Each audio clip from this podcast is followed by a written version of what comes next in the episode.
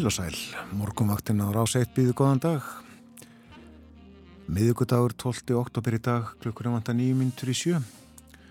Umsjónamaður þáttarins Björn Þó Sigbjörnsson. Og við hugum að veðrinu, það er almennt hægur vindur á landinu. Þrýr metrar á sekundi í Reykjavík til að mynda. Þar var skíð klukkan 6 og fjögur að stega hitti. 5 gráður á Kvanneri Fimmstega hitti líka í stikkishólmi, það ringdi og vindræðin 6 metrar á sekundu sunnanótt.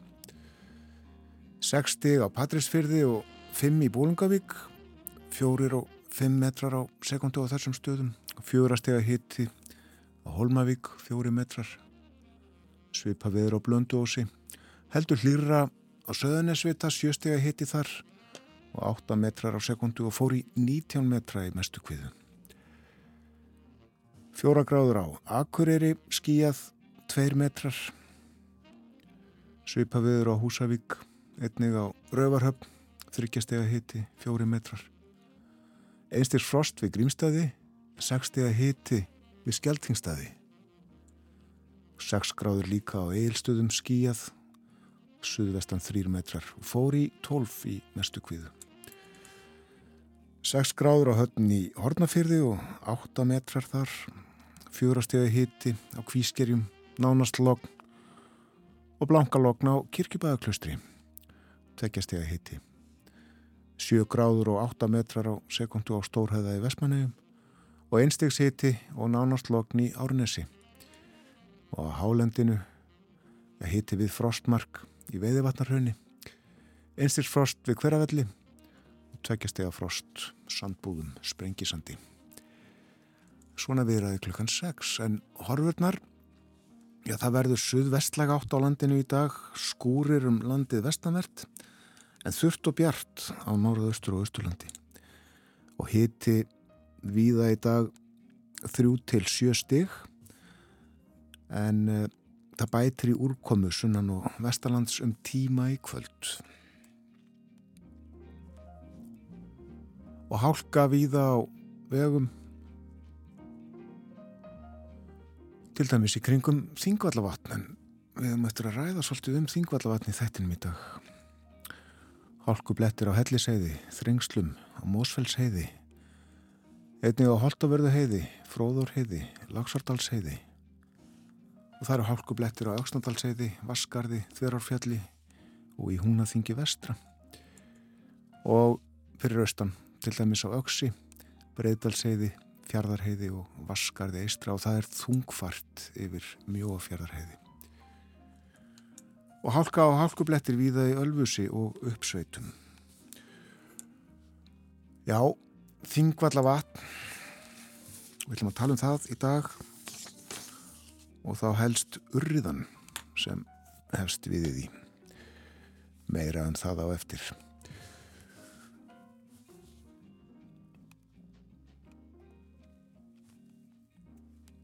Við finnum til lag, fyrsta lag þáttarins þennan morgun og uh, hér er þau komin Peter, Paul og Mary.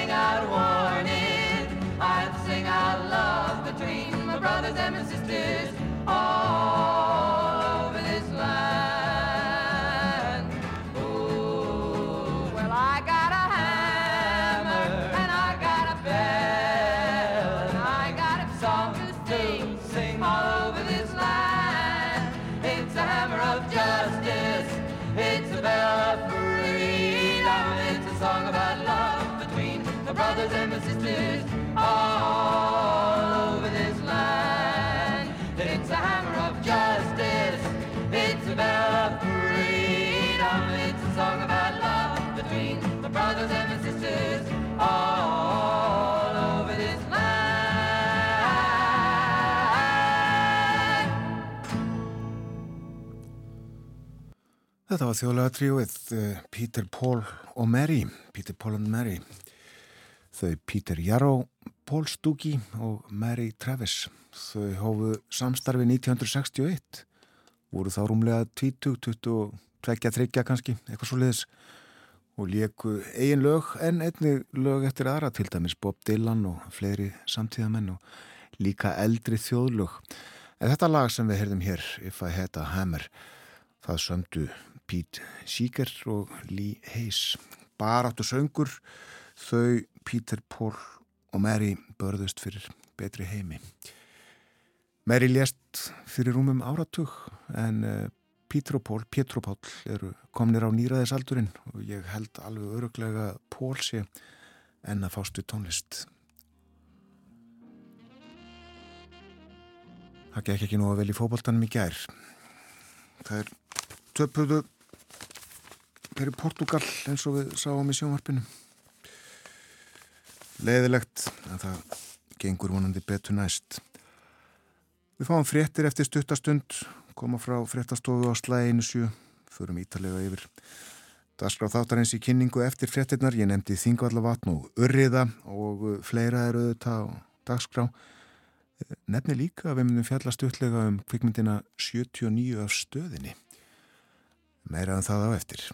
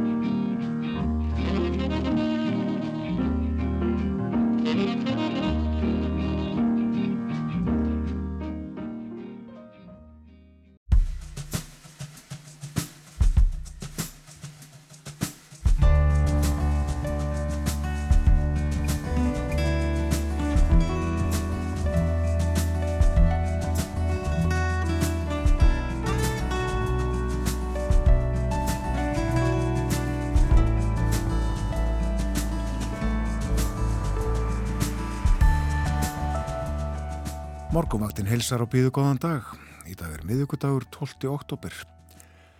Líf urriðans í Þingvallavatni er í bísna föstum skorðum. Nú er oktober og þá leggst hann í ferðalag. Hann færi sig úr vatninu upp í Öksará til regningar. Og það gengur mikið á þegar nokkur hundruð urriðar sem er tíu kíló, jáfnvel vel það, synda þessa leið saman. En hvað er annars vitað um líf þingvalla urriðans? Jóhannes Sturlaugsson hefur rannsakað hann nú í að verða 20 ár. Jóhannes kemur á morgumvaktina klukkan halv átta og við spjöllum vitt og breytt um urriða. Um þar síðustu helgi lést í Kaliforníu Sahin Littlefeather, baráttu kona fyrir réttindum frumbyggja bandaríkjana. Hún var þekkt þegar hún afþakkaði Óskarsverlunin fyrir hönd Marlon Brandos. Hann hreftiði fyrir aðallutverkið í fyrstu kvikmyndinu um Guðföðurinn. Og hún fekk óblíðar móttökur hjá kvikmyndaakademíunni og fólki í kvikmyndaiðnaðinum. En hálfriöld síðar þá var hún beðin afsökunar og það var bara skömmu fyrir andlátið. Vera Illóðdóttir segir okkur frá lífslaupi litlu fjöður Hún verður hér upp úr átta eftir morgun fréttinar. Og svo er þetta fyrsta doktorsvörn við Háskólan á Akureyri fór fram í gær þegar Akureyringurinn Karin Birna Þorvaldsdóttir varði doktorsréttgerð sína í heilbriðisvísindum. Þetta er mikil tímamót hjá Háskólanum á Akureyri en fimm ár eru liðin frá því að skólinn öðlaðist réttindi til doktorsnáms. Ritgerð Karnarbyrnu ber heitið að skilja og mæla hindranir þess að leita sér hjálpar eftir áfall. Og megin markmið verkefnisins var að þróa íslenskt mælitæki sem metur hindranir þess að leita sér hjálpar eftir áfall. Nýjasti doktorlandsins verður á morgunvaktinni hálf nýju í hljóðstofu á Akureyri. Ágúst Ólafsson fréttamaður ræðir við Karin Byrnu Þorvaldsdóttur. En umsjónamaður morgunvaktarinnar er Björn Þór Sigbjörnsson.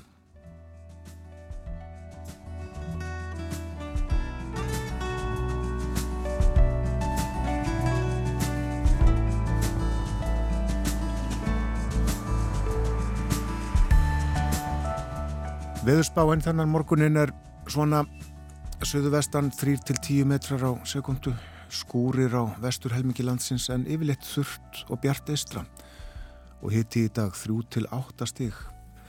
En á morgun 5. dag verður hæg austlæg eða breytileg átt, norðaustan 5-10 undir kvöld, síst norðaustan til dálitlar skúrir eða jél fyrir norðan og austan að leti til um landið suðvestanvert og kólnar smám saman. Og uh, skeitin frá vegagerðinni eru svona Byrjum á Suðvesturlandi, hálkaðar á Bláfjallavegi, Kjósaskarði og í kringum Þingvallavatn, hálku blettir á Sandskeiði, Hellisheiði, Þrengslum og Mósfellsheiði. Vesturland, hálka á Holtaverðuheiði en hálku blettir á Fróðarheiði og Lagsardalsheiði.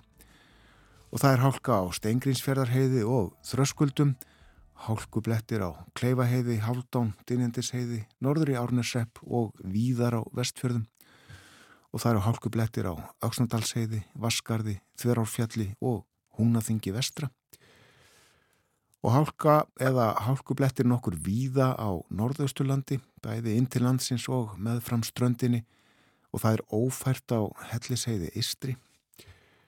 Og uh, fyrir austan hálku blettir á Öksi, Breitalsheiði, Fjardarheiði og Vaskarði Istra og þungfært yfir Mjóafjardarheiði og endingu Suðurlandið, hálka og hálkublettir víða í Ölfusi og uppsveitum.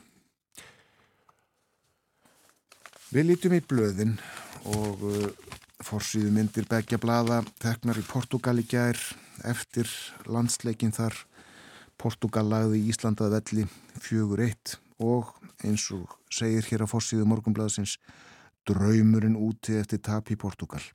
Já, það var spilað um sæti á hinsmestramótinu í Ástralíu og Nýja Sjálandi næsta sömar sigurlæðið eh, treyði sér þáttökur rétt á mótinu stóra og það er sannsagt Portugal og það var leðilegt að fylgjast með þessu og átt að segja það. Ná fórsíðu fréttablasins má sjá Glótísi Perlu Vigúsdóttur eftir leikin gráti næst. Hún uh, eh, leik nú einna best í íslenska liðinu og skoraði mark þess og á fórsíðu morgunbladsins faðmast þær Glótís og uh, Sara Björk fyrirliði. Draumurinn farinn, sagði Glótís í viðtali eftir leikinni gerfi, heyrðum hluta af því fréttunum hér áðan. Og svo er það málefni allþjóðsambandsins sem er uh, aðal frettin á fórsíðum bladana. Það eru fordæmalösir tímar innan allþjóðsambandsins, segir hér á fórsíðu frettablaðsins, rætt við Guðmund Háldánarsson, sakfræðing. Og uh, hann reynir að greina stöðuna og spá í spilin. En uh, það er erfitt að gera sér grein fyrir því hvað þarna er að gerast, segir hann. Það segir umræðuna vanstilta og uh, erfitt að sjá hvaða málefna ágreiningur sé til staðar. Og manuðu þetta ekki frekarinn aðrir við líka fordæmi í sögunni. Alþjóðu sambandið var það ekki stofnað 2000, uh, 1916, 1916 uh, held það fyrir 106 árum og ímist þetta gengið á í alþjóðu sambandinu og verkefnisreifingunum þetta í gegnum árun og ára og tíina en, en uh, eldstu menn mun ekki neitt í líkingu við þetta. Og uh, áfram með Guðmund Háldunarsson á fórsvíðu frettablasins, hann segir stöðun á vond tíðindi fyrir verkalýsreifinguna og þetta muni hafa áhrif á kjara viðræður Það er stór hluti kjara samninga sem verða lausir og þungar samninga viðraður framöndan, segir hann. Alþjóðu sambandi klófið í herða niður, segir að fósið morgunplassins. En uh, fleira, það er uh, fjallaðum flótamenn, komið flótamanna til landsins á fórsíðu morgunplassins og uh, segir hér uh, lörglun á Suðunisjum hefur mátt sæta gríðarlegu álægi vegna verkefna sem að tengjast keflavíku flugvelli að undanförnu. Þar vega þungt uh, flótamannamál en ekki bara þau heldur líka ólöglegur fíknefna einflutningur og sangkvæmt upplýsingum frá Úlvari Lúðvíksinni lauruglustjóra á Suðunisjum þá sitja 19 í gæsluvarðhaldi sem stendur teknir þá á flugvöldunum og uh, af þessum 19 eru átján í haldi vegna innflutnings á fíknefnum, eitt sem sagt flótamaður. Og uh, Úlvar segir að það sem afir ári hafi 642 með vegabrif frá Venezuela sótt um alþjóðlega vernd á landinu. Margir hafa tengingu við Sýrland, segir hann og bæti við að auðvelt virðist að verða sér úti um slík vegabrif, löguleg skildríki, þar að segja vegabrif frá Venezuela. En maður gerir því skóna, uh, gefi skín, segja jafnvel berum orðum að uh, þetta fólk sem að kemur til landsins með vegabrif frá Venezuela sé ekki allt þaðan og gefi til kynna að sömt sé frá Sýrlandi með sem sagt vegabrif frá Venezuela og fjallaði um þetta inn í morgunblæðinu. Og það er líka fjallað um ferðamenn sem auðvitað tengjast keflaðugur flugvelli og flugstöðina þar, það var stækka hana. Flugstöðin er breytt og líkur á nýju met ári en uh, Íslandsbanki gerir ráð fyrir að um 2 miljónir ferðamanna komið til landsins á næsta ári og þeir getu skilað ferðarþjónustinu um 600 miljardum króna í tekjur. Og rætt hér við Jón Björka Bentsson aðal hagfræðing Íslandsbanka og hann segir þetta mestu tekjur greinarinnar frá upphafi í krónum talið álíka miklar leðrétt fyrir verlag og 2018 og útlitt sér fyrir að flytja þurfi einn vinnuafl með vorinu til að manna laus störfi ferðarþjónustunni. segjum þetta gott úr blöðunum í bíli allavega hér. Á morgunvaktinni ég saði frá því áðan að uh, umdum fjalla um 79 af stöðinni kvikmyndina í þættinum í dag og uh, um fjöllunin svo hefst með uh, lægi auðvita. Mm-hmm.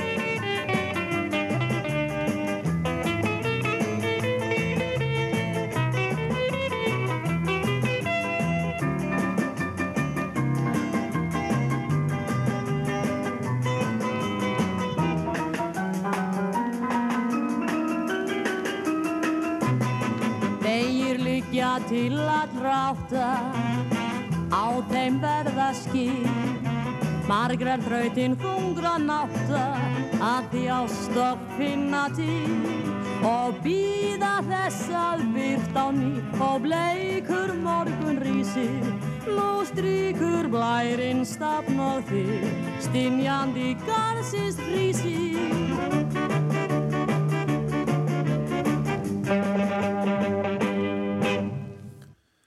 Elli Vilhjáms vegir líka til allra átta. Lægi var í kveikmyndinni 79 af stöðinni en hún var frum sín 12. oktober 1962 fyrir 60 árum. Og myndin hófst á að lægi var leikið og við fylgdumst með dansleik á Hotel Borg.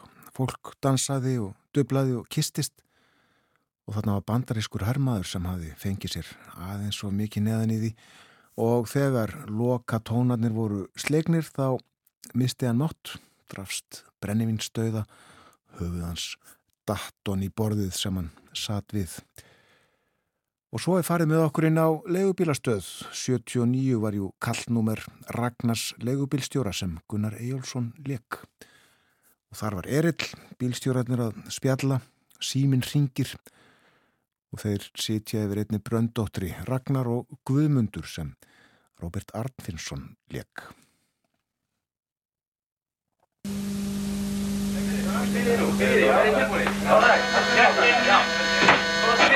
Arnfinnsson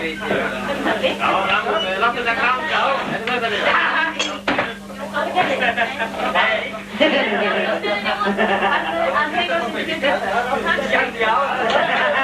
Sjötíu og nýja stöðinni. Kona? Svona hvað? Þetta er erfiða fæðingar. Og hvaða hafði sér þetta? Ég get ekki tæft að mér axtur. Þú ætla ekki. Sjötíu og nýja Já, ég er að stöðinni. koma. Bjargaði drottninguna. Ah, fjandinn hyrði drottninguna. Ég gefði tablu. Það eru tvö unnin, eitt jafntefli. Allt í lagi við munum stöðuna. Ég maður þetta ekki stundinni lengur. Ég maður það? Fyrir okkur báða. Mm? Fyrir okkur báða? Já, ég er að koma. Guðmundur? Já? Hvernig gengur Ragnari? Ó, honum fyrir fram, honum fyrir fram. Já, um, 79 stöðinni. En gerð og síning myndarinnar var auðvitað mikill viðburður. Aðeins örfáar kveikmyndir höfðu þá verið gerðar á Íslandi. Ég, ég held að fimm ár hafi liðið frá því að næsta mynd á undan var gerð. Það var Gilidrutt í leikstjórn Jónasar Jónassonar og aftur liðu fimm ár þar til næst var kveikmynda hér. Og enn voru næstum 20 ár þar til íslenska kveikmynda vorið hófst tímabilið um og upp úr 1980 þegar kveikmyndagerð hófst hér fyrir alvöru og farið var að framleiða þrjár og kannski fjóra myndir á ári. En 79 af stöðinni var gerð eftir samnefndri skáldsögu Indriða G. Þorstenssonar. Guðlugur Rósenkrans þjóðleikustjóri skrifaði kveikmyndahandritið og hann var aðal maðurinn í þessu, var aðal framleiðandi myndarinnar. En leikstjóri var Erik Balling sem var einn fremsti kvikmyndagerðamaður Danmerkur þá um stundir og, og líka löngu síðar. Og hann gerði meðal annars myndirnar um Olsengengið og sjómanstáttarraðirnar um húsið á Kristjánsöfn og Matador. En auk Gunnars Eyjólfssonar og Róbers Artfinnssonar sem ég nefndi áðan þá leik Kristbjörn Kjell aðal hlutverk í 79. stöðinni. Hún leik Gógó. Dægin eftir frumsýningu þá ringdi blaðmaður tímans í þá Gunnar og Róbert og spurði þá hvernig þeim hefði orðið við að horfa á myndina. Það náðist ekki í Kristbjörgu en uh, Róbert svaraði Ég var grepinn undarlegri tilfinningu við að sjá sjálfan mig í fyrsta skipti á léreftinu. Einlega gati ég ekki nóttin myndarinnar á sama hátt og venjulega þegar ég horfi á kvikmyndir. Fyrst og fremst starði ég gaggrinandi og tortrygnum augum á sjálfa mig. En ég er samt alls ekki dómbærum mína eigin framistöðu. Það er af og frá eins og hver hlýtur að skilja. Ég var fyrir svipuðum áhrifum að sjá sjálfa mig og þegar ég heyrði rödd mína í fyrsta sinn af segulbandi. Ég þekkti ekki mína eigin rödd. Þó var ég samt enn skelkaðri þegar ég sá sjálfa mig á léreftinu í fyrra kvöld Það var furðulega skrítið. En hvað kvikmyndina sjálfa snertir þá fannst mér heildar áhrifin góð. Ég fæ ekki betur síðan að þeim kvikmyndatökumönnunum hafi tekist að skapa listrænt verk. Þeir þurfa alls ekki að fyrirverða sig. Ég held að myndin standist samanburð við góðar erlendar kvikmyndir. Það var góð stemning meðal bíógesta. Frumsýningin lofar góðu, saði Robert Artfinsson. Og Gunnar Eyjólfsson svaraði Mér var álíka innanbrjós og þegar ég heyrði fyrst rödd mína í útvarpsleikriti flutt af segulbandi satt að segja var ég steinhissa þetta kvöld á frumsýningu 79 í háskóla bíói. Hvað hafði undrað mig mest? Jú, ætlið að hafi ekki einna helst verið munnsvipurinn sem ég sá. Munnsvipurinn sem ég sá að ég hef. Ósköp er hans skrítinn. Svo fór ég að skoða hína aðalegrana, Kristbjörgu og Róbert og ég fann ekkert torkennlegt í farið þeirra. Fannst þau vera eins og þau ættu að sér. Mér þótti ekki ástæða til að ég væri með neitt sparisvip í myndinu og því dróði þá álítuna þessi furðulegi munnsvipur minn væri hversdagslegt fyrirbæri í allra augum nema minna. Óskup er ég þakklátur ef aðrir geta umborið þennan skrítna svip. En myndin í heild þykir mér annars góð miða við aðstæður. Hún er dálítið sérstæð að því leitið að þetta er tæknileg heimildamind með leikurum þó og út frá því verður að dæma hana. Þessu svaraði Gunnar Eyjólfsson aðspurður hvernig honum hefði fundist frumsýningin á 79 af stöðinni. Já, 60 ár í dag síðan hún var frumsýnd. Og við liekum áðan vegir liggja til allra átta. Myndin hóst á því lagi og það var þetta feiki vinsælt en það einstaklega gott lag eftir Sigfús Haldursson. Og lagi var gefið út á plötu á sínum tíma og á bjelliðinni var annað lag eftir Sigfús, Lítill fuggl. Og við skulum snúa plötunni við og hlusta á Elli. Lítill fuggl.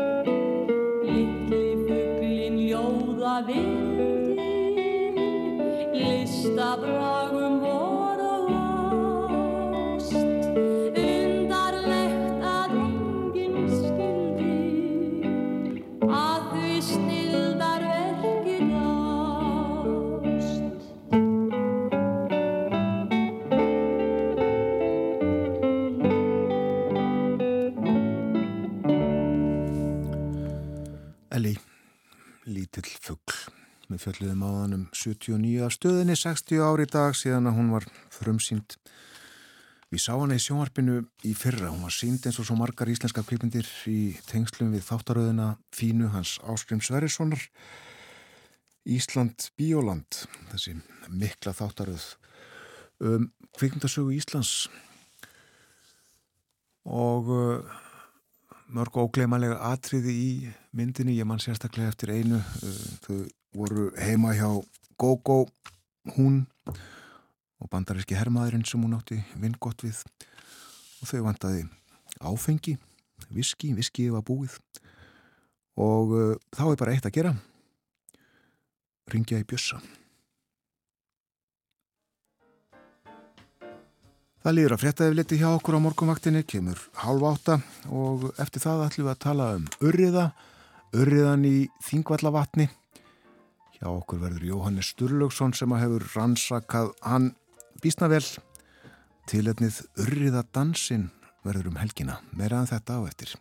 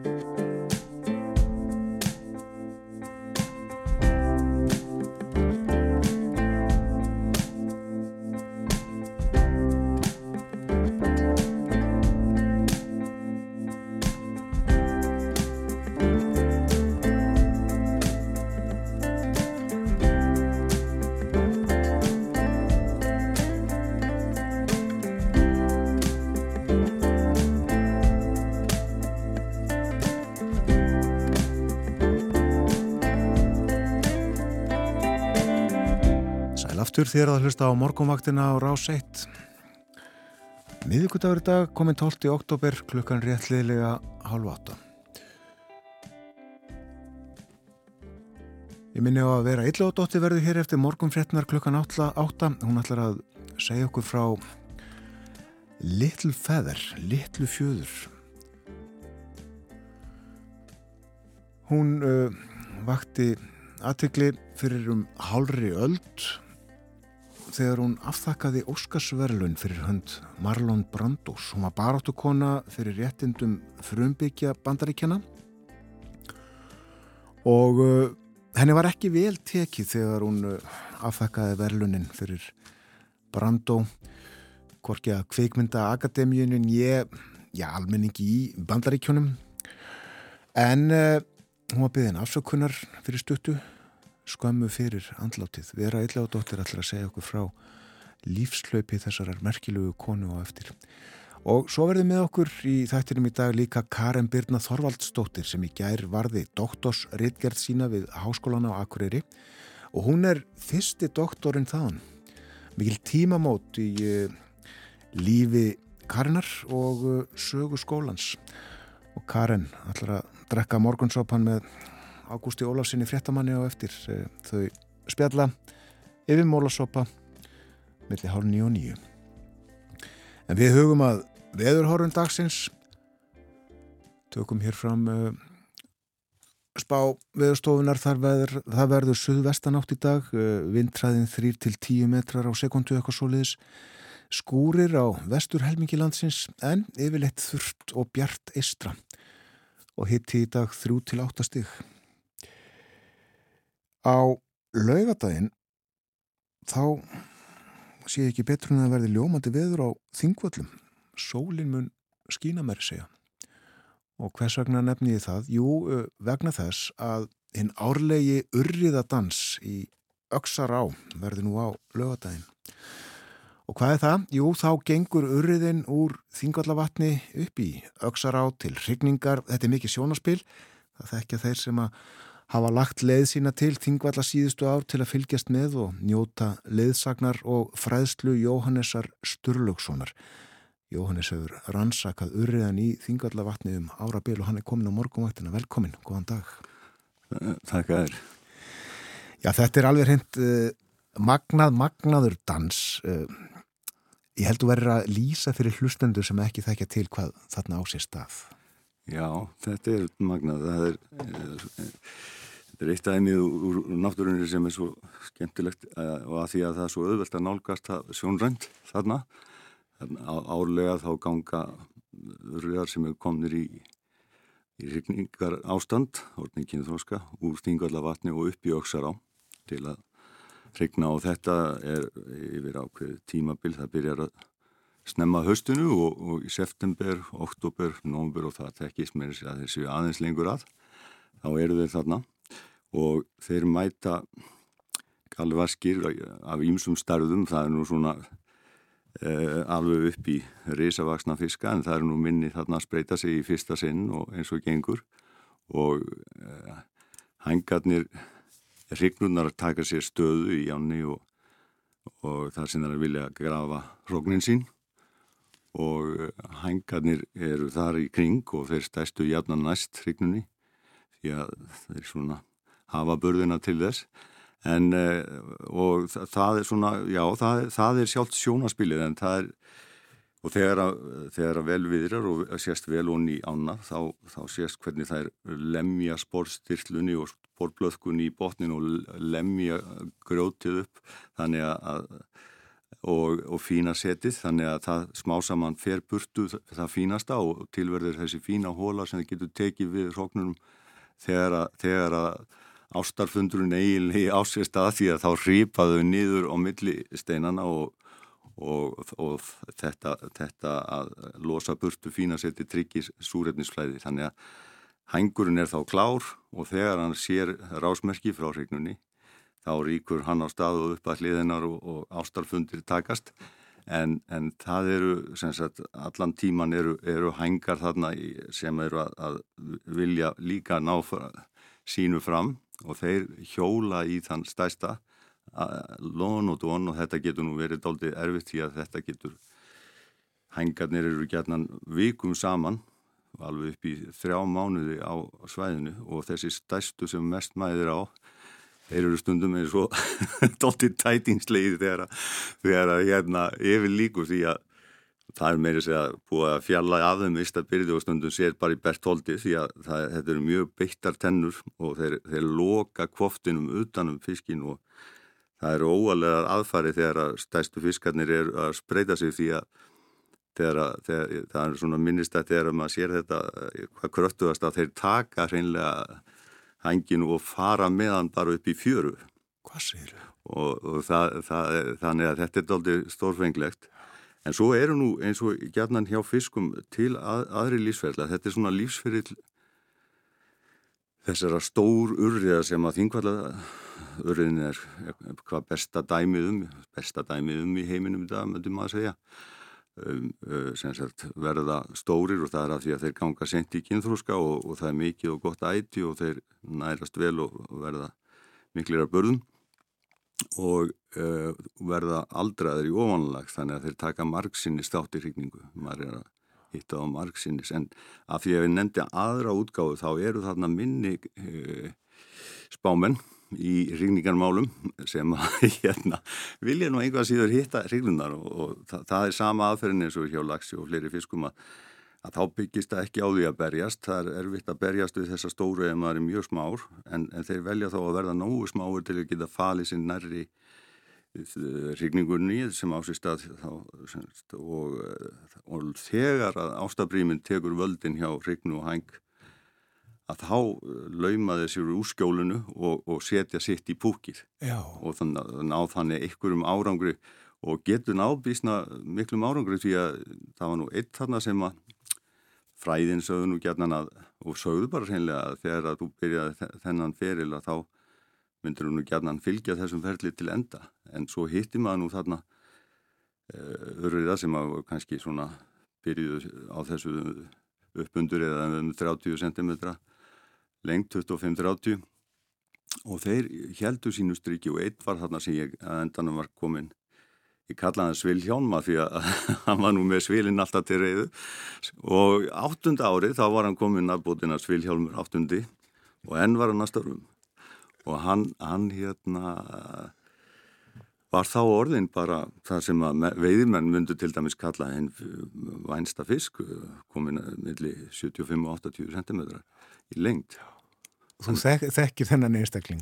Já, ég þekkti hann á góðu en hann þekkti mig, hann var kannski ekki einspenntur fyrir okkar endurfundum álögu en ég veit hann á þessum 8 árum eitthvað í 33 svar manni í háfinn því að ég týnið á þarna upp og, og er að, að sérstaklega árum áður því ég er að nota rafendamerki til þess að fylgjast með þeim þá, ja, þá voru það rafendamerki sem sem að ég þurfti hreinlega að endurhemta til að lesa aðum gögnin yfir dýp og hit og svona en, en núna er það áherslan önnur afhendamerki þannig að í rauninni þessar nákvæmara upplýsingar úr vatninu ef við vikjum frá, frá hrigningunum sjálfur að skemmtilegun er Já. að það, það, það hefur maður haft til aðstóðar og mikillar aðstóðar því að lítið gerum maður nú einn og sér að bara láta fiskana sjálfa sjá um mælingarnar og það er nú þannig að frá fyrsta ári, nú er ég búin að vera á þriðja áratögu í þessu og reyndar urrið að gangan komin líka á þriðja áratögu, merkilt nokk að þá, þá er það þannig að ég fylst með atfelli fiskana á grunni þeirra eigin aðtapnask sem eru skráðar af þeim sjálfum, það er að segja að þeir hafa komin með samfælda skráningu á atfelli í yfir 20 ár á þriðja áratögu og Þetta eru þetta bara algjör snilt. Hérna áður fyrir þegar maður var ungur maður, þá var, voru menn að reyna að dunda í atfellisrannsóknum minna okkur um uh, rannsóknastofum og eldistofum og annað að skoða hvað það verið að gera í kerjum. En þarna eru þeir bara í náttúrunni, í sínu náttúrulegum hverju að skrá allt sem er að gerast.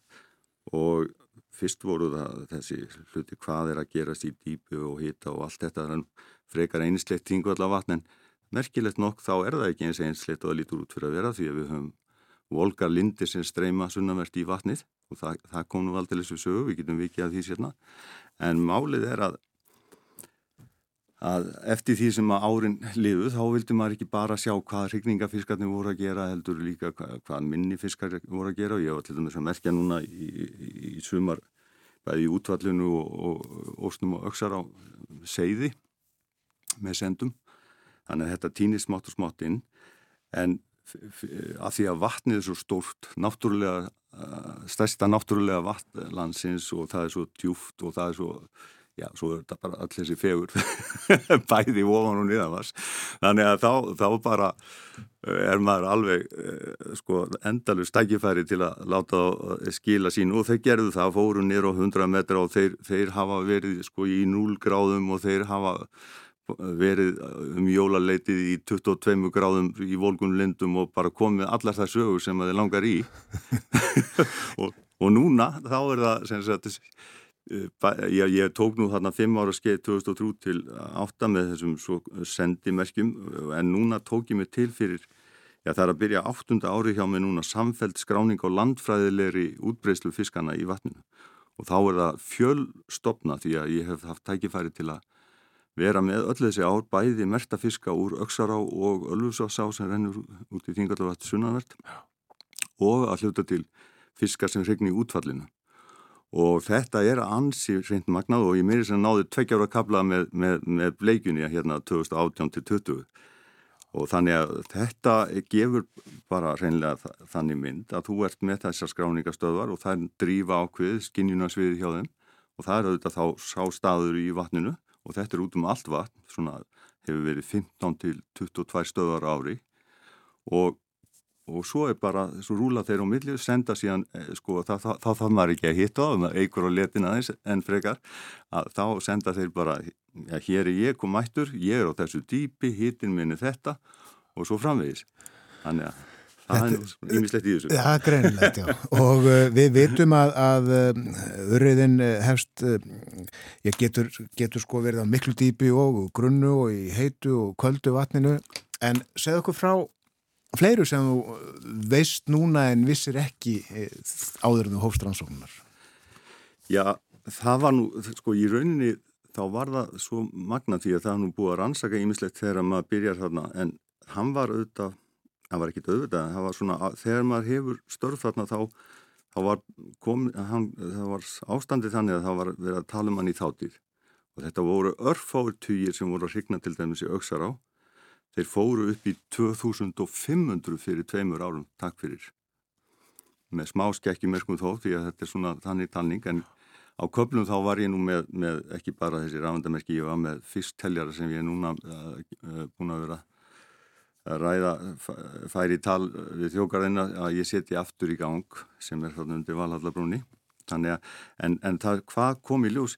Já, það var nánast allt, af því að það var allt á höldu en, en, en eins og ég segi, það verður að segjast bara eins og er að þessi rannsóknar tími hefur skilað ítalugustu gögnu sem eru til yfir urriða í einu vatnakerfi í heiminum. Það er bara, þó ég sé sjálfur að segja frá, þá, þá er það nú einu sinni þannig að, að það er bara allt þetta, hversu hratt faraður á milli dýftalaga, hvað er þeir að fara hratt í, í láréttu, eh, allt þetta, þessar sviftingar á milli í hýta, allt þetta svo getur bara ekki sett fingurinn á með neinum öðrum aðferðum og það er svo þetta er það sem að er að hjálpa okkur í, í nútímanum hérna í rannsóknum almennt og ég saknaði þess nú reyndar þó að ég hef nú auðvitað verið að rannsaka aðra fyrstundur og svona, maður saknar þess að að menn not ekki meira að rafenda fiskmerki til þess að skrá atfelli. Þetta er auðvitað atfellis vistfræði sem að maður, maður auðvitað sporgöngum maður í slíkum skráningum hérlendis, maður byrjar 93 og er búin að vera að alla götu síðan með öllum þeim rafenda með fiskmerkjum sem að uh, nafni má nefna og ég hef sko byrjað með allar þær gerðir hérlendis og það sem ég eins og til dæmis í stóra sammenginu þarna er maður að nota eitthvað skráningar og stöðvar og svo leys en þegar maður talar um stærri hafsvæði talum ekki um bæði út af okkur umsæfi þá, þá er það gerðutunglamerkin og maður notaði það bæði á lags og, og þorsk og það er komin tíu ár síðan ég notaði þetta þorskin hér við land og það er ekkert búið að gera síðan í þeim verðnum og það, það er skrætilegt. Því að þarna er hægt að sækja miklar upplýsingar. Förum aftur í Þingvallavatn, eh, Jóhannes, eh, var stopnina bara við það að deyja út? Já, hvað getur maður sagt, það er nú kannski aðeins svo djúfti á raun að tekið en, en að segja það, en á þeim tíma þá heldum en það. Og það var kannski ekki nema eðlert við það því að menn, hvern, hvernig vissum við það? Já, menn, menn voru hættir að fá nema einstaka urða í neti þegar net, veðar voru meira stundar en nú er og, og hitt og þetta og auðvitað ennsýður og stöngina og, og þetta bara var stemmingin síðan, síðan leggst margt á sveifmjónum það er umhverfisbreytingar sem ekki síst hafa áhrif í, í ánum þar sem að brotur gráður getur skipt máli fyrir fyrst sem er á norður mörgum útbreyslunar á heimsvísu hér og síðan er það hlutir sem að tengjast því hvernig við umgöngust fiskinn því að og þar kemur urriðagangan til dæmis inn. Þarna er mjög skemmtilegu vettfangur til að að fræða, skila þessari þekkingu, það er, það er, það er ekki nóg að vera einhver staður út í hodni það eiginlega ánað með sitt, maður er einhvern veginn að koma þess á framfæri og þarna er, sko, er fólk á öllum aldri sem kemur, það, það er best að undistrykja það því að þetta er bara frá börnum og upp úr. Og og það er gaman og, og þetta er svona auðvelt því að þetta er ekki eins og að fara á fyrirlestur. Þú bara kemur og svo ferðu bara úr göngunni þegar þið sínist Já. þú ert ekki bundin þarna. Þú nennir ekki að vera lengur. Þannig að það er málið að, að, að þessi, þessi þekking hún kemst inn. Fólk þegar þú farir skilning á, á því hvað er að gerast það er einn eiginlega svona náttúrumvenn sem er, sterk, sem er sterkasta mynd náttúrumvendar vita hvað þetta er og, og uh, þannig þess vegna hef ég leift mér sko að nota það nýjirði náttúru vendar ganga Einmitt. í uröðuganguna. Og þetta verður semst á þingvöllum uh, á lögadaginn og byrjar klukkan 2 og hægt að finna upplýsingar á, á vef þjóðgarsins. En uh, skiljið þið rétt, veistu eiginlega hver margir fiskar eru í þingvallavatni upp á sko einstakling? Nei, það er ekki svo gott. Nei.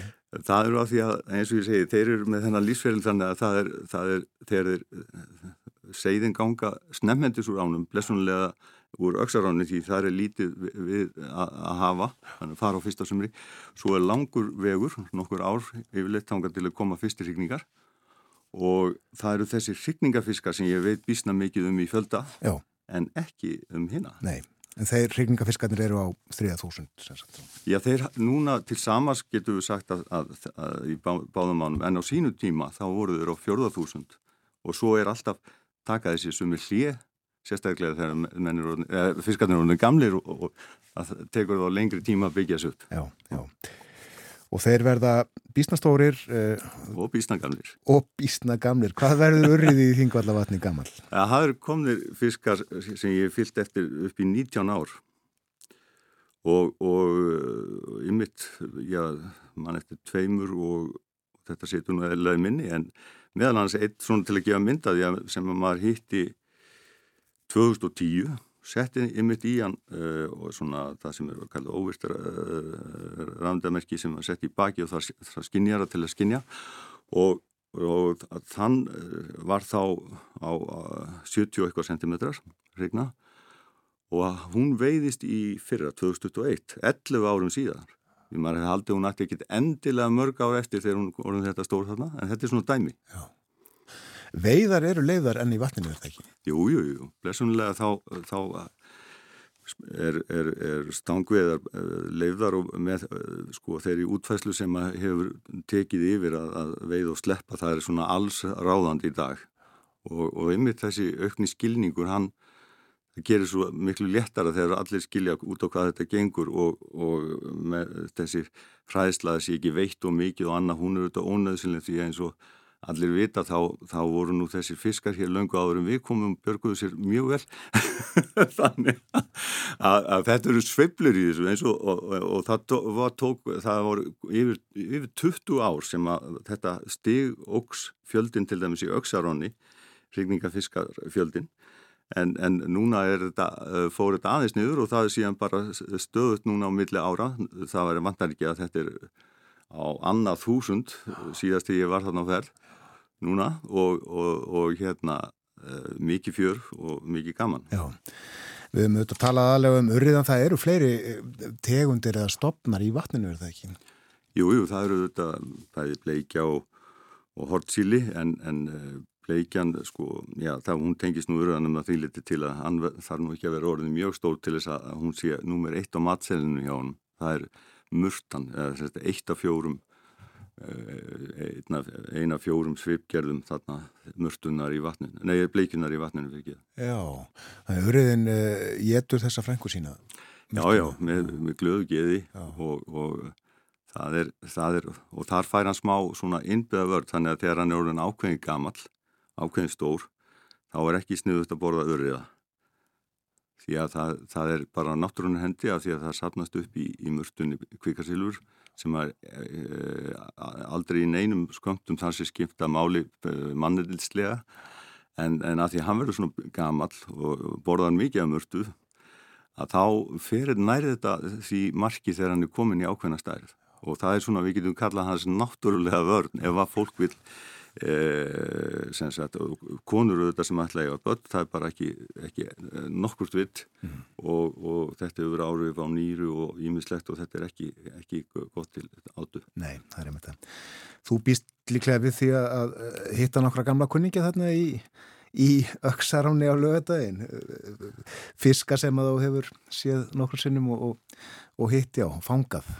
Jú, jú, ég verð búinn að, að stopna til fundar við á þarna rétt áður og setja einhverja í bú sem ég síni gestunum svo þeir eru mæta. Já, það verður gaman að fylgjast með þessu. Von á uh, fjölda fólks, þannig hefur það verið síðust ár? Já, það, það hefur búið að vera, sagt, þetta er svo ótrúlegt hvernig þetta hefur þróast að síðustu ár þá hafa þetta verið svona Gerna þrjú, fjögur hundru og upp í 600 manns. Þetta er, þetta er, og það, það er bara að minna fólk á að það eru þarna bílastæði sko bæði við, við hakið. Þá mann geta farið inn á vef þjóðkarsins sem að eru þetta hérna, til aðstofur þarna í þessari göngu og þar er þetta að sjá hvernig er best að leggja bílunum og svona. Mm -hmm. allt þetta. Segjum þetta gott af urriðanum, urriðadansinum á þingvöllum. Kæra þakki fyrir að koma á morgunvaktina Jóhannes Sturlöksson Þakkaði fyrir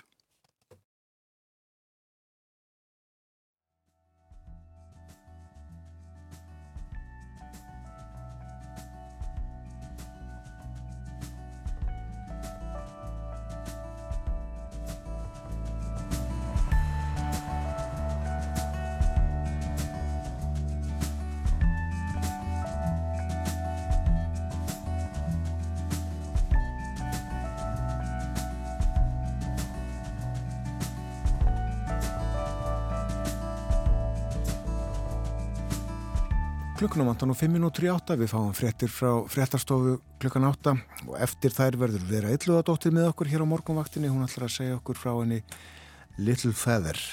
Little Fjöður sem lést í byrjun mánadarins hún var fræg fyrir baróttu sína bandaríkjunum fyrir uh, réttindum frumbyggja þar. Meðraðan þetta á eftir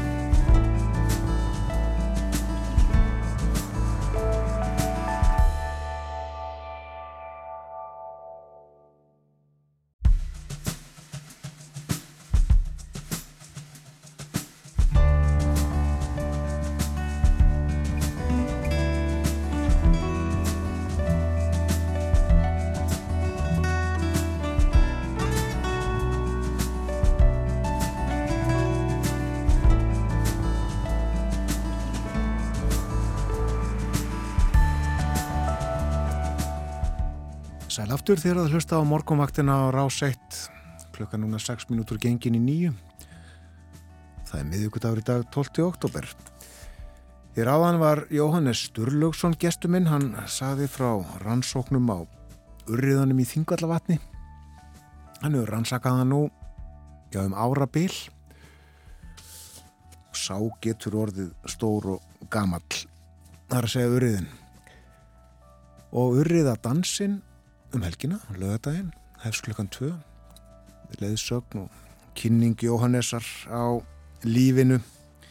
Lífi urriðans á regningatímanum líf og fjör aldeilis í auksar á um þetta leiti ás og þingvellir auðvitað einstaklega fallir í höstlitunum en nú er vera ylluðadóttir komin í þáttinn eins og um það beila annarkvært miðugudag og uh, hún ætlar að segja okkur frá konu, merkilegri konu, baráttu konu fyrir réttindum frumbyggja í bandaríkjunum. Hún var býstnafræg fyrir um hálri öld en uh, tilitni þess að við fjöllum um hana núna er uh, það að hún lést á dögunum vera. Hún heitir Little Feather, Littla fjöður. Já, Satsín Littlefeather uh, sem að lést núna annan oktober 75 ára gömul en uh, var einmitt í fréttum fyrra á þessu ári í, í uh, júni þegar henni, henni barst afsökunar beðni frá bandarísku kveikmyndaakademíunni sem að veitir Óskarsvelunin frægu vegna þess hvernig, já, hvaða móttökur hún fekk á Óskarsvelunaháttíðinni 1973 en uh, þessi kona satt sín Little Feather, hún fættist uh, nú með annað nafn, uh, fætt 1946 og hér þá Mary Louise Cruz, fætt í Kaliforníu. Og móður hennar hvít bandarísk kona en fadir hennar af ætt frumbyggja Apache Indiána en ólst ekki mikið upp í þeirri menningu, menningu frumbyggja þar sem að fadir hennar yfirga fjölskylduna þegar hún var bara fjögur ára gömul.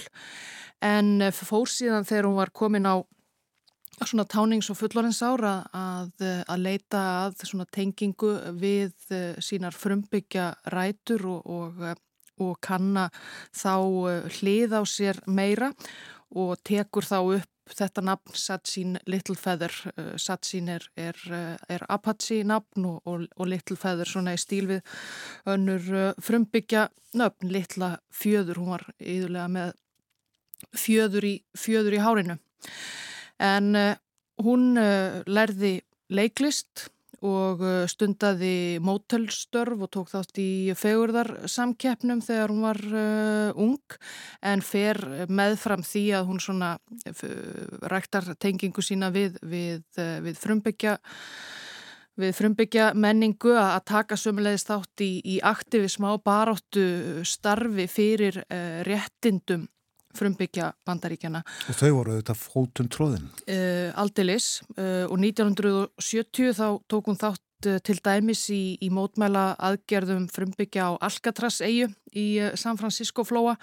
Þá hafði allræmda fangelsi sem að þar var lengi verið, verið lagt af og þá komið þangað hópar frumbyggja og lögðu eiguna undir sig og hafði það eins, eins konar mótmæla, mótmæla setu og uh, sögðu hann að vera réttmæta eign uh, frumbyggja Norður Ameríku samkvæmt uh, samningi milli Lakota, Indiána og Bandaríkjastjórnar frá 1851 um, um einhverjar, einhverjar lendur og yfir tóku uh, sem sé eiguna og heldu þar út í 19 mánuði allt fram til uh, 1971 og hún tók þátt í, í þessu þó hún hafi nú ekki verið uh, á eigunni allan tíman eða búið þar eins og, eins og margir uh, gerðu.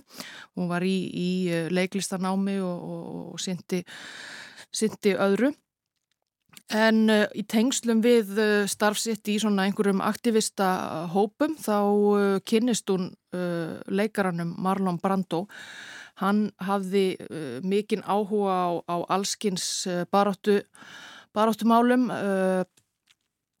þekkti mikið af, af, af, af helsta baráttu fólki þeldökra í bandaríkunum og svona á, á sjönda áratögnum með miðjan sjönda áratögin þá fær hann sömu leiðis áhuga á, á, á baráttu, baráttu frumbyggja og, og, og starfar eitthvað meðal annars með uh, samtökunum American Indian uh, American Indian Foundation og, og, og fleiri og tekur þátt í mótmæla aðgerðum sjálfur með, með uh, frumbyggjum sem að svona ávinnunum talsverða, talsverða virðingu uh, þar. Og einhvern veginn þá kynist hann satt sín Littlefeather, uh, það var nú varið, verið nokkrar sögur um það hvernig, hvernig uh, þau kynntust en líklega var það í gegnum uh, Francis Ford Coppola leikstjóran sem að uh, var nágrani nágranni satt sín Littlefeather eða bjó, bjó nálagt henni og, og leitti þau saman. Og þau eruðu svona allavega einhvers konar, eh, einhvers konar kunningjar. Og eh, síðan eh, leikur Marlon Brando eins og fræktir aðalhutverkið í, í kvikmyndinni The Godfather. Og er tilnemdur til Óskarsvæluna fyrir besta leik í aðalhutverki fyrir, fyrir hlutverksitt sem Vito Corleone þar og svona nokkuð ljóst í aðdraganda, aðdraganda verlaunana að hann hljóti að, að bera sigur úr bítum þar. Og uh, þetta eru verðlunin fyrir árið 1972 en veitt í mars 1973 og já, kvöldið áður en verðluna afhendingin á að fara fram þá hefur hann samband við þessa kunningakonu sína, sett sín Little Feather og segir henni að hann ætli sér að sniðganga uh, Óskarsvælurna háttíðina og byður hana um, a, um að fara í sinn stað til þess að koma þeim skilabóðum áleiðis að hann vilji sniðganga háttíðina vegna þess uh, hver honum finnist uh, frumbyggjar landsins hlunfarnir sérstaklega í kvikmynda og, og, og sjómasgeiranum þetta auðvitað þekktir þekkt úr, úr bandarískum kvikmyndum, vestrum og svo leiðis að það er kannski ekki svona raunsönn mynd af, af, af menningu frumbyggja uh, Norður Ameríku alltaf hreint og, og erfitt fyrir uh, leikara að frumbyggja ættum að fá hlutverk og ímislegt fleira. Uh, þannig að hún satt sín litlfæður hafið mitt sem leiðis látið sig slík mál varða þar sem hún hafði jú uh, uppi áformum að verða leikona þó hún hafi nú ekki leikið í leikið í mörgu. En þannig að hún uh, fer og hann lætur hann að fá skömmu fyrir háttíðina langa ræðu á, á mörgum blöðum eitthvað um, og hún mætir þarna í, í, á háttíðina mjög seint af því að að, aðaleikaravelunin er jú, jú afhend í, í, í lokkverjar Óskarsveluna háttíðar og hún kemur hann með mjög litlum fyrvara og, og að eigin sögn veit ekkert uh, hvað er að fara að eiga sér staði í raun en uh, viti menn þá, þá, uh, þá ber Marlon Brando sigur úr bítum og við getum kannski bara heyrt það hvernig það hljómaði. Já, förum á Óskarsvæluna háttíðina í mars 1973. The winner is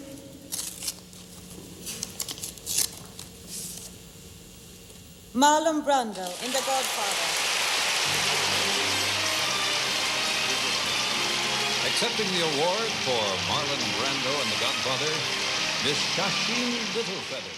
Hello, my name is Sasheen Littlefeather. I'm Apache.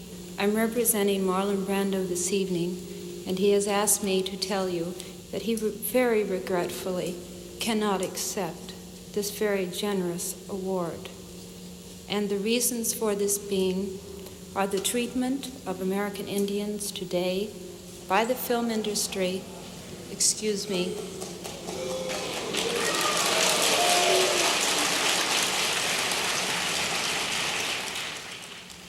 I beg at this time that I have not intruded upon this evening and that we will, in the future, our hearts and our understandings will meet with love and generosity.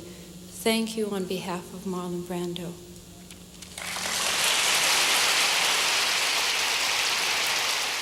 Það var nú klappað þarna. Já, þarna uh, heyrðu við að hún fekk svona misjafnar móttökur. Mm -hmm. uh, hún saðist þarna vera mætt fyrir hönd uh, Marlon Brando sem að gæti ekki tekið á móti uh, verlununum vegna meðferðar uh, frumbyggja í, í kvikmyndabransanum. Það var svona nokkuð mikið fjadrafokk í salnum. Littlefæður saði síðar að einhvers konar pródusent hafi, hafi beintenni upp á, upp á svið og tekið eftir því að hún væri með hennan þykka bladabunga í höndunum og, og látið hann að uh, vita að hún gæti, hún gæti alls ekki lesið allt, allt þetta, hún hefði bara 60 sekundur og, og annars er hún handtekinn en það ég held að það hafa nú ekki uh, staðið til kannski en allavega hana uh, lætur hana lætur hann að vita að hún get ekki lesið allt, allt þetta og, og hún fór síðar með, með ræðuna á, á ræðubrand og sá á eh, bladamannafundi eftir, eftir hátíðina en hún kemur þarna uh, upp í, í, í hefbundnum uh, Apache uh, klæðum, leður kjól og, og, og einhverju slíku. Og já, fær svona misjafnar mótökur, maður heyrir það að þarna er, er einhverjir sem að klappa en aðrir sem að, sem að púa og sagt að, sagt að sérstaklega Já, margir hafi orðið, orðið reyðir yfir þessu og kannski sérstaklega John Wayne og það hafi þurft uh, öryggisvörð til þess að halda aftur að honum og hann hafi ætlað að æða upp á, upp á svið eða einhvern veginn veitast að, veitast að þessari uh, ungu konu. Já, hann hefði þetta fældi margan indjánan í, í mm, vestrónum. Svo sannarlega Já. og uh, aðrir hafi gert einhvers konar, verið með einhvers konar handapat sem að þykir uh, niðrandi í, í garð uh, frumbyggja og henni hafi líka mætt svona, hún hafi fengið svona frekar dræmar eða, eða slæmar móttökur þegar hún fór síðan uh, baksviðs eftir að hafa, eftir að hafa uh, flutt, þessa, flutt þessa stuttu ræðu. Og það var þetta sem að, svona, sem að kvikmyndaakademían síðan uh, baðst afsugunar á hvaða, hvaða viðmóti henni hafi uh, mætt þarna núna í júni 2022 næri 50 árum eftir að, eftir að þetta gerist. Og eh, sagt líka sem leiðis að eftir þetta þá hafi verið, verið útséð með hennar eh, feril í, í, í Hollywood sem að varð engin, hún fekk uh, lítil sem engin, engin hlutverk. Uh, eftir þetta hún hafi verið sett á svartan lista í, í kvikmyndabransanum fyrir þetta, fyrir þetta uppáttæki sitt og, og, og, og Brandós. En þekkjuru einmitt eh, hvaða áhrif þetta hafði á Brandó fyrir hans? Uh, lítil áhrif á, á uh, minni miklu minni áhrif á, á feril, feril hans. Hann var nú reyndar einhverju sem að gaggrind og hann fyrir að, fyrir að koma ekki bara sjálfur og uh, hafna velununum og, og segja það sem hann vildi sagt hafa. Uh, set, senda frekar uh, fyrir sig þessa, þessa ungu konu sem að beigð vissulega skada af en hann auðvitað átti eftir að leika í, leika í fjölmörgum uh, stórmyndum eftir, eftir þetta og fer svona fáum sögum af því hvort að þau, uh, þau brand og litlu feður hafi átt í, átt í miklum uh, svona samskiptum eftir, eftir þessa, þessa uppákomu. Mm. En uh, þetta er 1973 sem að, að þetta er eins og við hefum komið inn á og uh, það er svo tæpri hálfri öll síðar sem að Akademiðan bandariska, Kvimdakademiðan uh, byrjun afsökunar en hvernig var líf hennar þarna áratugin á milli? Hún uh, náttúrulega varði ekki, varð ekki leikona eins og henni stóð hugur, hugur til. Hún uh, vann lengst af í, í uh, hjúgrunn eftir þetta en tók áfram þátt í ímsu baráttu starfi og tjáði sig oft sérstaklega um, um frumbyggja í fjölmiðlum og, og, og, og kvikmyndum og svo framvegs og þetta upp á koma varðmörgum inblástur og hefur hefur sannarlega lifað þessi, þessi gjörningur. Ég held að það hafi verið 2016 þegar að Óskarsvælunin voru uh, sérstaklega gaggrínt fyrir það hver fáir, uh, þeldökkir og aðrir af öðrum minnilútu höfbom bandaríkina voru tilhendir til einhverja verlauna sem að, sem að Halli Berry leikona uh, snið hérna, mætti ekki á, á háttíðina og nefndi þá einmitt að hennar inblástur væri, væri satt sín feather og svo, og svo framvegis þannig að hún held eh, áfram að hafa, hafa áhrif og þetta vakti síðan talsverðaðategli núna þegar hún loksins fekk þessa, þessa afsökunarbeðinni hálfri öll síðar og þá uh, á dánarbeðinum, hún lést úr, úr, úr eh, brjóstakrafamenni og var, var orðin, var orðin langt uh, leita af því þarna í sumar. Já. Þakkaði fyrir að vera með okkur á morgumattin í dag, vera eil og dóttir.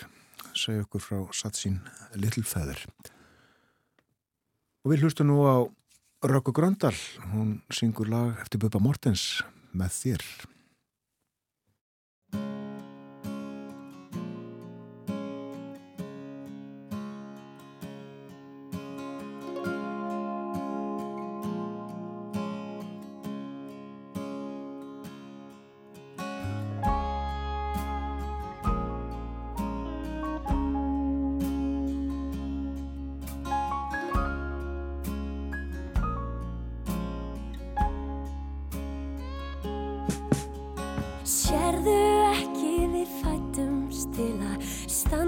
Vishli, Vishli.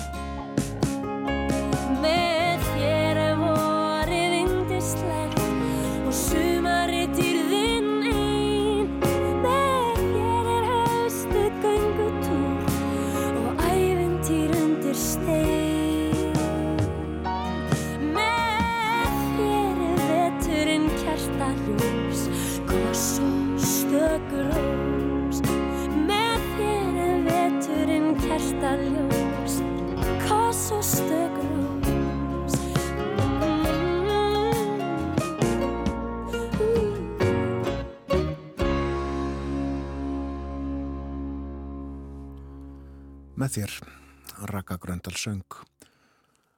Eftir fréttaðifliti sem kemur eftir stuttastönd verður Karen Birna Þorvaldsdóttir gestur þáttarins.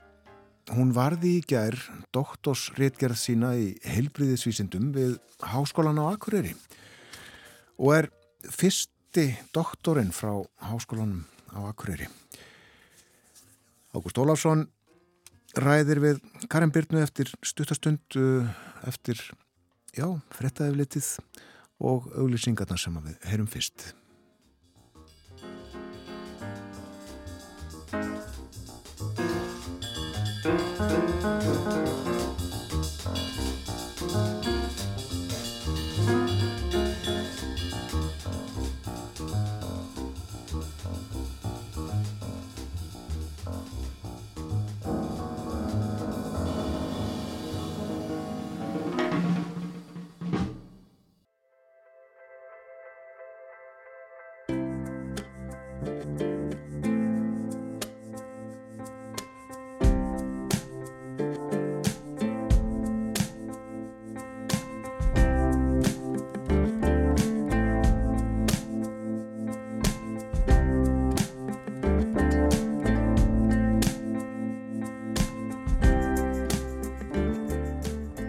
Aftur þegar það hlusta á morgumvaktina á rás 1 klukkan réttliðlega hálf nýju við seglum inn í síðasta hluta þáttarins þennan morgunin.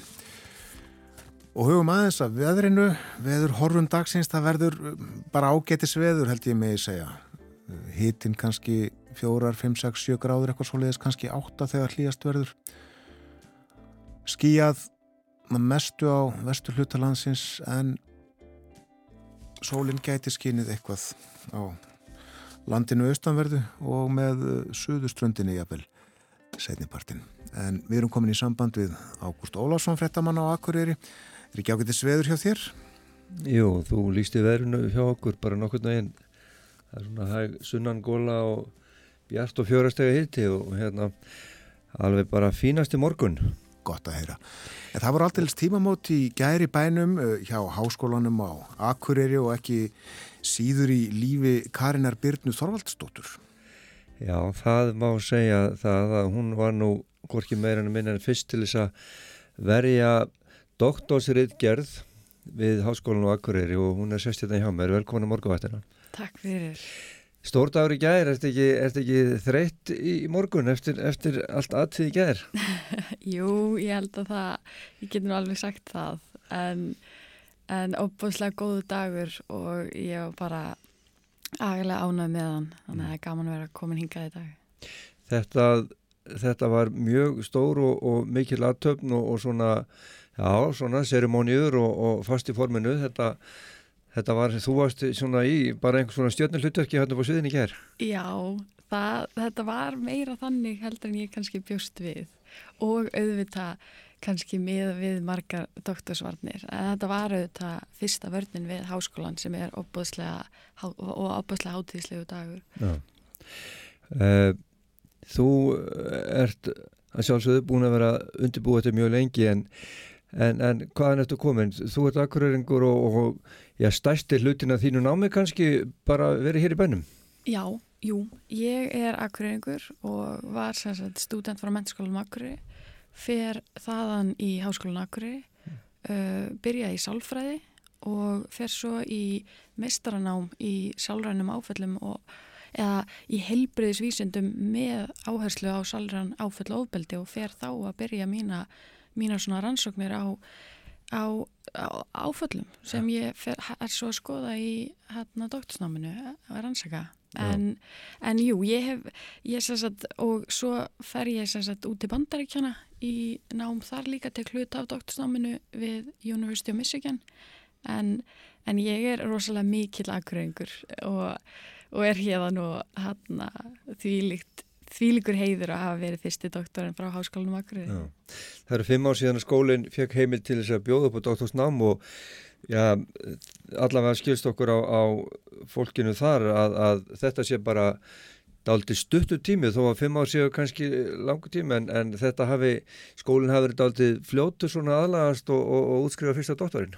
Já, ég, mér skilst það og, við, og svo er sko, núna við erum búin að vera nokkur í fyrstu nefndunir í doktorsnámi og svo er bara mjög stutt í næstu örn og næstu og það er bara fullt af doktorum að fara útskrifast frá háskólum Akureyri á næstunni mm. og, og, og í mínu, í mínu sko, tilfelli bara varðandi háskólan sjálfan náttúrulega búið að standa rosalega vel að þessu námi og svo skiptir óbúslega miklu máli fyrir doktorsnema að vera fjármagnaðir og ég var óbúslega heppinn og var á góðum styrkjum þannig ég gæti einbeitt mér að fullu að mínum rannsóknum mm. í að því að það sem oft gerist skiljanlega er þegar fólk er í fullri vinnu með doktorsnámi þá kannski getur maður ekki gert þetta eins fljótt skiljanlega Nei.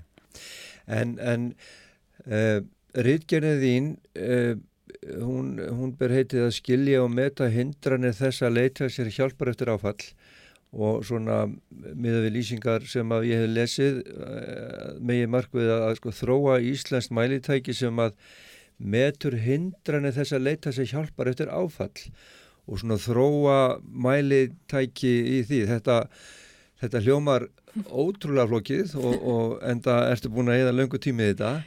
Eh, segðu mér kannski bara svona eh, til að byrja með hvert vildur þú fara og, og hvað ertu með í höndunum í dag?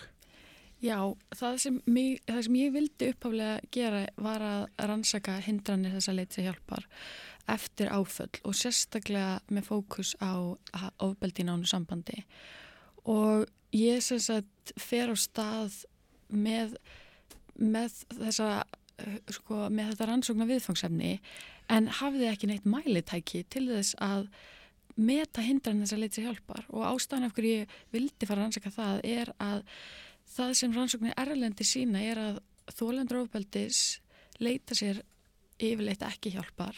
Það eru þó að það sé alveg ofbærslega af, alvarlegar afleðingar oft af ofbeldinu þá eru rannsóknir erlendis að sína hversu fáir hafa leita sér hjálpar, leita sér almennt hjálpar og það var bara svo ofbærslega fáir íslen, íslenska rannsóknir sem ég fann um þetta viðfangsefni og vissi því að það er því að fara að rannsaka þetta á Íslandi en einhverstað verðum var að byrja og við, ég á samt mínum leiðbyrjandum byrjuðum á því að þróa sérsagt og þetta er sérsagt mæltæki sem er þróað upphaflega í bandaríkjónum mm. og ég sérsagt fer í daldi mikla vinnu í að þýða og hana, aðlaga mæltækjað íslenskri menningu og þróa svo ný atriði sérsagt á listan sem hérna, byggja á reynslu íslenskar þólenda mm. ofbeldi sín á sambandi að því ég tók viðtal við 17 konur um þeirra reynslu og legg svo listan fyrir stærri, stærri hóp, stærri úrtak af þólendum ofbeldi sín á sambandi. Já. Ertu búin að fara víða í, í þessum viðtölum og rannsóknum og, og ertu búin að hitta konur út um all land hér og kannski bandaríkjón líka? Já, ég, sagt, ég tók viðtölu við konur á öllu landinu hérna á Íslandi og að því ég var að vinna með sagt, prófessornum sem þróaði upphaflega mæltækið út í bandaríkjónum þá tók ég líka viðtölu út í bandaríkjónum við hérna, konur þar mm. sem var reyndar ekki hluti af mínu doktorsverkefni en það var sagt, hluti af annari rannsókn sem ég var að vinna að út í bandaríkjónum sem fullbreytt styrk þegi sem var hérna, hluti af náminu mínu en svona inn í stærra rannsóknarverkefni. Já, uh, það kannski segir, segir okkur að, að fyrst að þú fyrst að þú ferð þessa leið og, og, og einbyttir er að, að þessum hlutum að þá sé mjög erfitt fyrir einmitt konur sem að hafa verið betur óbeldi í nánu sambandi er, er erfitt fyrir þær hreinlega að, að leita sér hjálpar og, og komast á rétta staði? Já, það, það virðist vera og í mínum rannsóknum kemur ljós að mínir þáttugandur áttu óbáslega erfitt með það. Og það er hérna óbáslega marg, margir þættir sem hafa áhrif. Og minn fókus auðvitað er óbáslega mikilvægt að skoða eins og meðal, meðal sko í þessu tilviki varðandi áföll að skoða varðandi konur að leita sér hjálpar. Fyrstu skrefin að leita sér hjálpar eins og þegar fólk er eins og fari í kvennaðkvarfið eða leita til lauruglu ef það er svona varðandi ofbeldið. En minn fókus var svo reyndar aðeins meira svona setna meir, hvað svo? Þegar fólk er kannski komið út úr ofbeldis aðstæðum en þarf að leita sér eins og sálrænar hjálpar. Og þar sko eins og ein, ein, heil ein af niðurstöðunum úr doktorsverkunum mínu var að skömm var helsta hindrunin sem stoppaði þessar konur. Mm. og svo sagt, var stór hluti af minni rannsók sem snýrist um sem sagt, að það sem fólk var lýsaði fyrir mér að, að það leitaði sér ekki hjálpar að því að það fannst að vera veikleikamerki að leita sér hjálpar. Og, og svo annar hluti var að vilja vermda sjálfan sig frá því að endur upplifa áfallið þannig að það, svo, það var svo opbáslega margt sko margt, margt sem kom fram. Já. Eh, það er talað í, í lýsingunni á, á uh, niðurstöðunum þínum að, að þú talar hann um ákveði mælitæki Já, sem, a, sem að er þá fyrsta sinna tegundar á Íslandi og, og þú ert þá búin að þróa þarna eh, einhvers konar tækni eða, eða já, mælitæki sem að sem að hægt er að nota þá í, í þessu sambandi eða hvað? Já, og þetta er í raun og veru uh, þetta er sagt, spurningalisti sem að getur notað eins og, og, og, og það sem ég hyggst svo gera núna er að nota þetta í frekar rannsóknum að því að það er myndið rétt sem þú segir ég stór hluta mínu verkefni var að kanna prófræðilega einleika þessar mæltækis sem er er, er mjög skild ekki skemmtilegast umræðefni heimi svona fyrir aðra en þetta snýst um að ég var að kanna hvort að mæltækið sé áreðanlegt og réttmætt. Og það er óbúslega mikilvægt og það sé hann kannski ekki mest spennandi tópiki þá er óbúslega mikilvægt að byrja á því. Mm. og svo getur maður þá farað að nota í rannsóknum og, og leggja fyrir sagt, í til dæmi spurningakönnunum. Og, hana, og á þessum lista eru núna eins og staðan í dag þá eru 26 atriði þar sem eru hindranir og fólk sagt, metur hvort að þetta hafið mikil áhrif á sig og þá getur maður fengið aldrei góða mynd af því hvaða hindranir er að hafa áhrif á fólk ja. og svo er þetta náttúrulega eh, er sko aðal ástæðan eins og með vona það sé hægt að nýta þessar upplýsingar í að fara svo í einhver verkefni þar sem er hægt að hjálpa fólki að leita sér hjálpar og að bæði sko hvort sem það sé með fræðslu og auka aðgengi að þjónustu og, og bara ræða hlutina ræða það, það er ekki veikleika merkja að leita sér hjálpar og, og, og til dæmi eins og mínir þáttekandur óbúðslega margir sem sögðu að eina af hindrunum þeirra var líka að það var of dýrt það þjónustan sem þau vildu, hjálpin sem þau vildu kostaði og mikið og voru þá ofta að vísa í að leita til sálfræðinga og eða annara geðhelbreyðis aðila sem er ekki niðugreitt og þau bara get ekki leitið sér hjálpar út af fjárhagsávíkjum sem er alltaf alveg skjálfilegt í íslensku þjóðfélagi, mm. velferðar samfélagi. Hvar sérðu fyrir þér að, að, að þessi spurningarlisti og, og þetta mælintæki og, og, og þessi tækni sem þú, þú hefur þróað, hvar sérðu fyrir þér að þetta muni, muni liggja frammi og verða í bóði? Allar er núna, ferðu í það að koma þessu inn í inn í alla stofnanir og inn í helbíðiskerfi eða, eða, eða hvar, já, hvar sér þau fyrir að, að þetta verði aðgengilegt? Sko, í dag er þessi, er þetta mælitæki aðgengilegt fyrir hana, fyrir þá sem uh, ég er raun og veru vilja, sem myndu vilja nota. Ég hef fengið leifi sem sagt fara á þeim sem þróaði mælitækið úti. Ég hef fengið leifi fyrir notkun og, og aðrir geti nota það. Ég að vissu leiti la, ég vil bæta mælitækið. Það var líka hluta mínum niðurstöðum að það voru nokkur atrið sem ég langaði að þess að kanna betur. En, hérna, en svo er, svo er væri frábært að þeir sem, þeir sem vilja, hvort maður það sé fagfólk sem er að starfa, starfa í heilbreyðiskerfinu til dæmis, myndu vilja gæti nýtt en að lista til að leggja hann fyrir sín, og sína skjólstæðinga að líka skilja hvaða hindranir þau eru upplifað til að hjálpa þeim en svo líka aðri rannsakendur sem ég, og ég innilega vona að, að rannsakendur hérna í Íslandi muni geta nýtt þetta mæltæki mm. um, Þú er greinlega búin að, búin að leggja greiðarlega miklu að vinni í þetta hvenar hvenar byrjaður þau svona sjálft doktorsnámið? Ég byrjaði 2019 Já. í doktorsnáminu.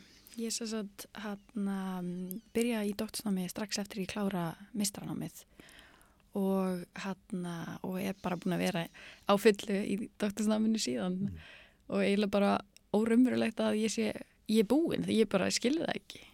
Ég, ég veit ekki hvað ég á að gera. þá bara er ég í svona útvarsviðtölum, það er bara gott að byrja dæn hér. Eh, það kemur fram að, að það, það voru 154 eh, íslenska konur sem að tóku þátt í rannsóknu hjá þér og, og þú sagði sjálf hafa tekið við til 17 konur.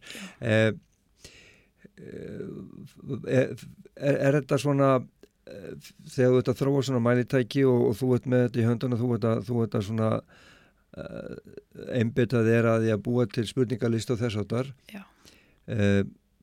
prófarðu það sem þú ert að gera sjálf, prófar þetta á, á þessum konum sem tóku þátt með í þér eða, eða hvernig, hvernig ferða þessu? Með, sko, ég sess að hérna, tek fyrst við töl við konunar og fæ sess að alveg opaslega dýrmættra upplýsingar um þeirra skoðun á þessu mæltæki og ég sess að var að nota blandaða aðferðafræði sem þýðir ég var náttúrulega eiginlegar og meginlegar aðferðir og þá bæði viðtöl og svo einmitt að leggja fyrir svona spurningalista því að við vitum að það að leggja fyrir eins og þetta mæltæki eins, eins mikilvægt og ég tel það vera þá auðvitað eru svona mæltæki alltaf takmörkuð. Ég, við getum ekki kofverða allar einslu fólks með svona mæltækjum en við fáum samt dýrmættar upplýsingar en það sem mér fannst að vera styrkur við mitt verkefni var að blanda mitt saman bæði tölfræðilegum upplýsingum sem slikt mælitæki veitir en einnig, einnig frásagnir og sögur hvernana og geta blanda því saman til að fá svona dýpri og betri mynd af þeirra af þessu hvernig er að leita sér hjálpar á Íslandi hvað er að hindra fólk sem verður fyrir áföllum. Og Og mínu þáttugundu voru vissilega þólendur ofbeldis en, en síðan er hægt að nýta þetta með uh, fyrir hópa fólki sem eru upplegað annars konars á, áföll. En, en það þarf reyndar að að kanna betur uh, prófræðilega eiginleika með öðrum hópum áður. En, en jú, það, það veitir dýrmöður upplýsingar að, að fá að taka viðtöl við konunnar Verður þetta verður þetta vinnan þín sem, sem doktor í helbriðisvísindum eða, eða allar að fara að kenna eða, eða hvað tekur við hjá doktornum núna? Það, það er það er svona Ég ætla að halda áfram í rannsóknum, það er draumurinn og það er svona óljóst í raun og veru nákvæmlega hvað ég geri, ímislegt spennandi í búaði og, og núna, og það er bara spennandi að fara kem, teku við nýrkabli en, en ég er að vinna nú þegar í frekari rannsóknum á þessu sviði mm. og ég, sem sagt, doktorsverkefni mitt var hluti af starra alþjóðlegu verkefni þar sem er verið að rannsaka og nota þennan spurningalista til dæmis hindran þess að leita sér hjálpar í 15 löndum mm.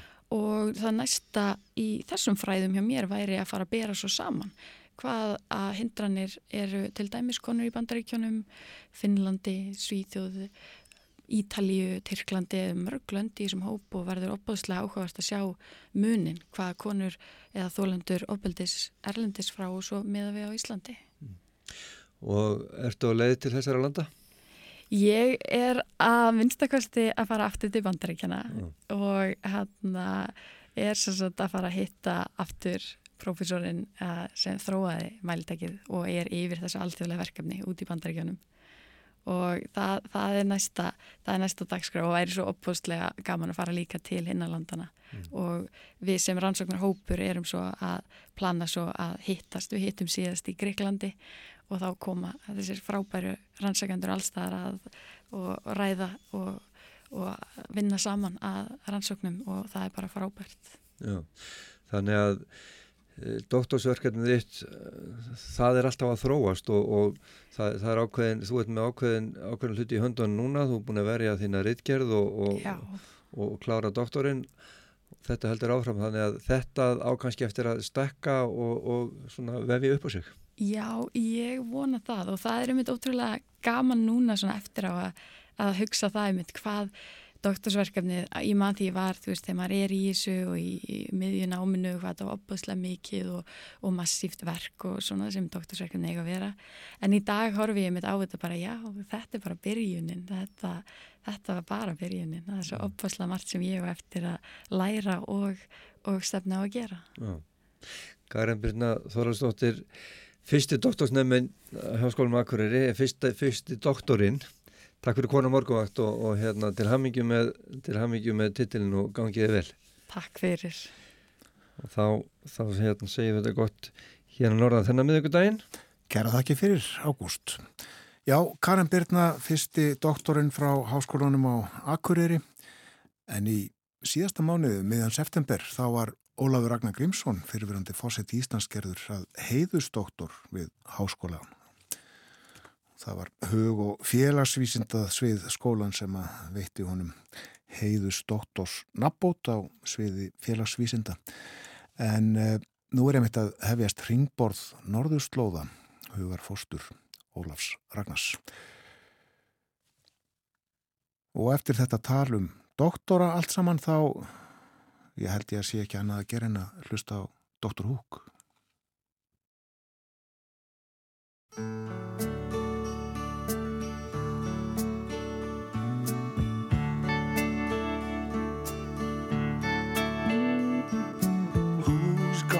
water my plants?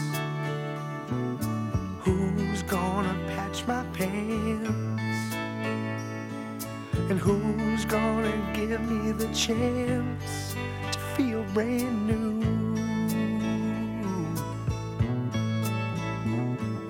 Who's gonna iron my shirts? Who's gonna kiss where it hurts? And who needs a man when he flirts the way I do?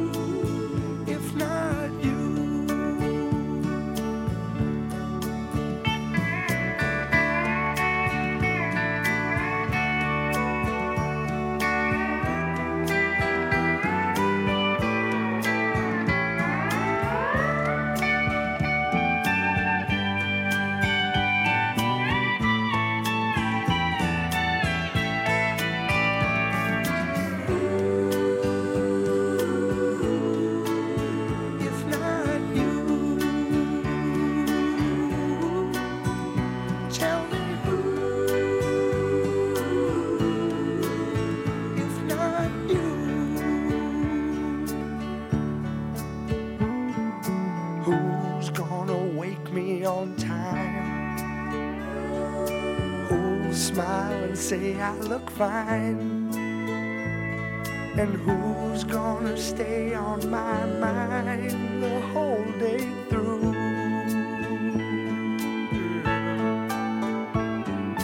Who's gonna see that I'm fed? Then who's gonna want me in bed? But who'll watch TV instead because I do?